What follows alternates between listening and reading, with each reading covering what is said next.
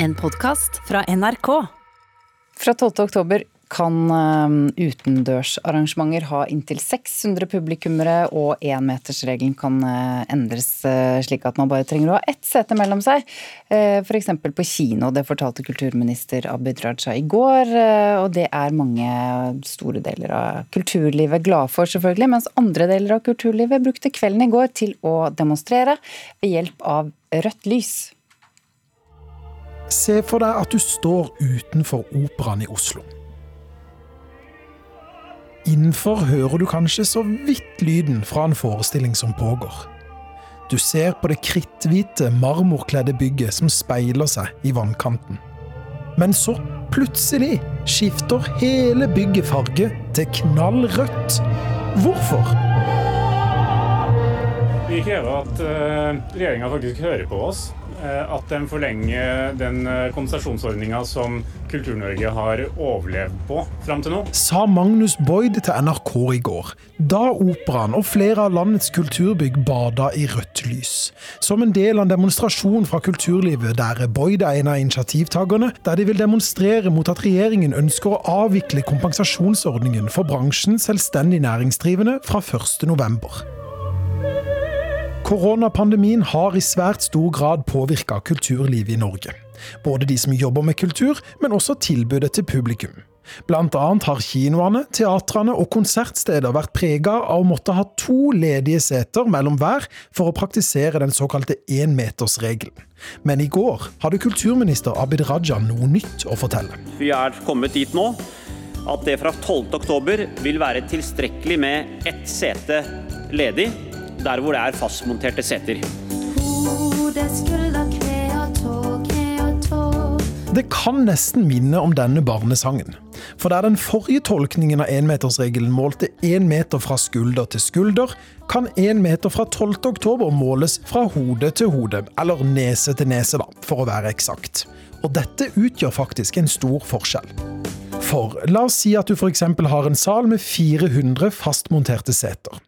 Før kunne man bare få plass til litt over 100 publikummere i denne salen pga. énmetersregelen. Men fra 12. oktober kan denne salen fylles opp med rundt 200 publikummere. En ny praktisering av énmetersregelen er helt avgjørende for konsert- og kulturhusene. Eh, for dem vil det bety ganske mye å faktisk være et insentiv til å kunne åpne igjen og, og gjøre arrangementer igjen. Sier Tone Østerdal, som representerer norske konsertarrangører. Ja, nei, reaksjonene var hipp hurra. Ja, hipp hurra, sa jaggu Jon M. Jacobsen etter gårsdagens nyhet. Jacobsen er produsent for bilfilmen 'Burning 3'. En film som gjentatte ganger har utsatt premieredatoen pga. frykten for for liten plass i kinosalene.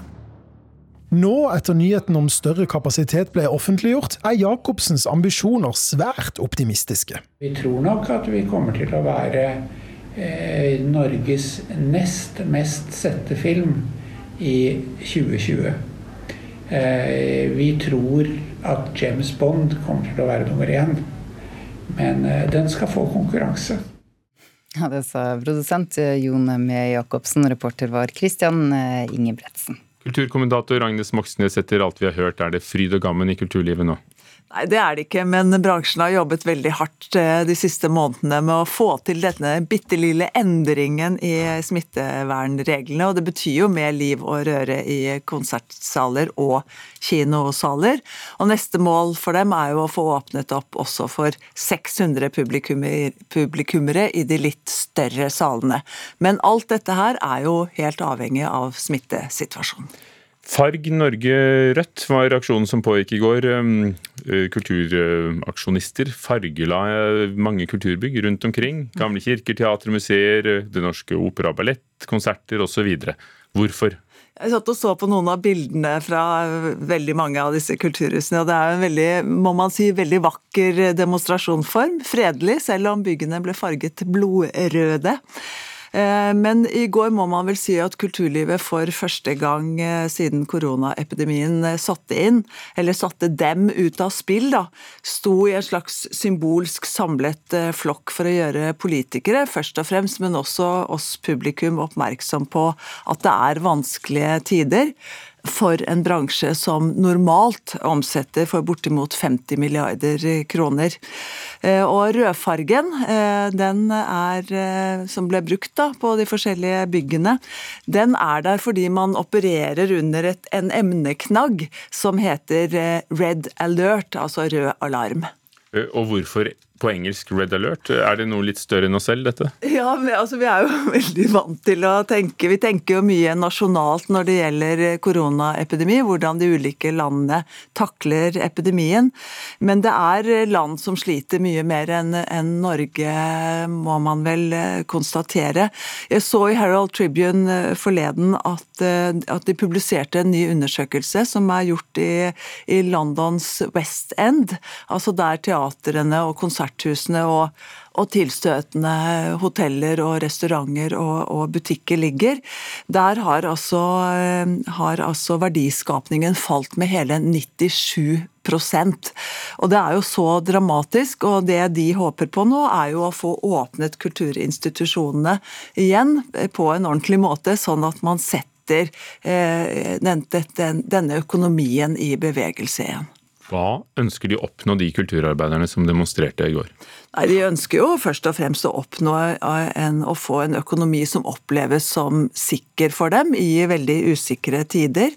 Eh, mens mye av Norge er på vei tilbake til en slags normal, så vet både denne bransjen her og reiseliv og restaurantbransjen at det kommer til å ta tid før ting blir sånn som de var. Og nå, akkurat nå eh, endres støtteordningene, og man vet altså ikke i hvilken form eh, de nye ordningene får. Så gårsdagens demonstrasjoner da, foran Stortinget, det var jo å si ifra at eh, for mange selvstendig næringsdrivende og frilansere innenfor kulturbransjen, så begynner de nå å bli utålmodige, og de sier fra at de følger med på det som skjer inne i Stortinget. Takk skal du ha, kulturkommentator Agnes Moxnes. Netflix-filmen uh, The Trial of the Chicago Seven har norgespremiere på kino denne helgen, to uker før den kommer på strømmetjenestens egen plattform. Regissør uh, Aaron Sorkin, uh, kjent for sine manus til Et spørsmål om ære, Presidenten og The Social Network, har laget et rettsdrama om aktivistene som ble tiltalt etter opptøyene i valgåret 1968. We're going to Chicago to protest the Vietnam War. There's no place to be right now but in it. The Trial of the Chicago Seven fremstår som en brennaktuell film, sjøl om utgangspunktet er de blodige sammenstøtene mellom politi og demonstranter i valgåret 1968. Regissør og manusforfatter Aaron Sorkin skildrer den påfølgende rettssaken mot sju aktivister, med skarp og vittig dialog og god oversikt over kompliserte sammenhenger, samtidig som det trekkes tydelige paralleller mellom datidas politiske klima og det som skjer i USA akkurat nå. Derfor er The Trial of the Chicago Seven på mange måter rett film til rett tid. Sorkin lener seg riktignok tungt på tradisjonelle elementer fra utallige rettssalsfilmer, men gjør det knakende godt. At the defense table, Abby Hoffman, Jerry Rubin, Dave Dellinger, Rennie Davis, Lee Weiner, John Freund, Tom Hayden, and Bobby Seale. These defendants had a plan, and the plan was to incite a riot.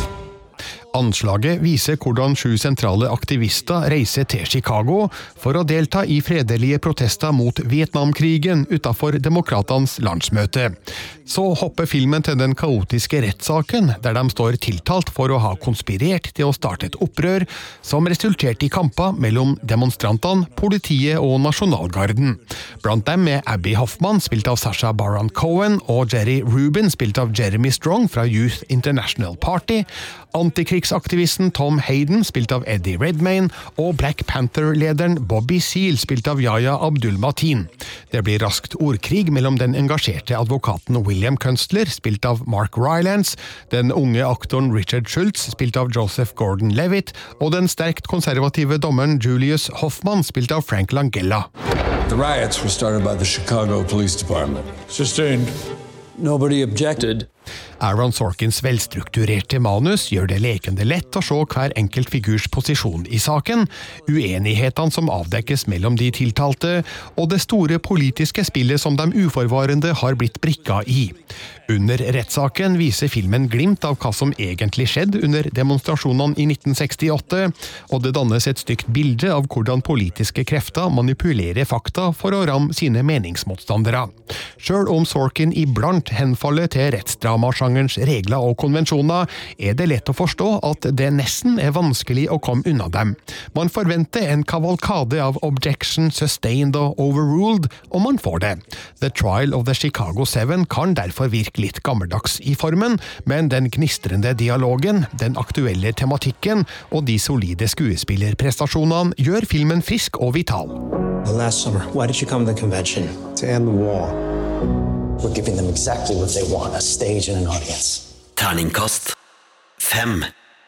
The Trial of the Chicago Seven ble anmeldt av Birger Vestmo. Filmen skal vises på 13 norske kinoer før den kommer på Netflix 16. oktober, og du kan lese hvor på nrk.no. Og Der står også alle anmeldelsene, forresten. Og så er jo dette en film som blir tippet av andre Hollywood Reporter som en med stort Oscar-potensial, og det er vel også derfor den vises på kino, så den kvalifiserer til å få Oscar-statuetter. Du har hørt en podkast fra NRK. Hør flere podkaster og din NRK-kanal i appen NRK Radio.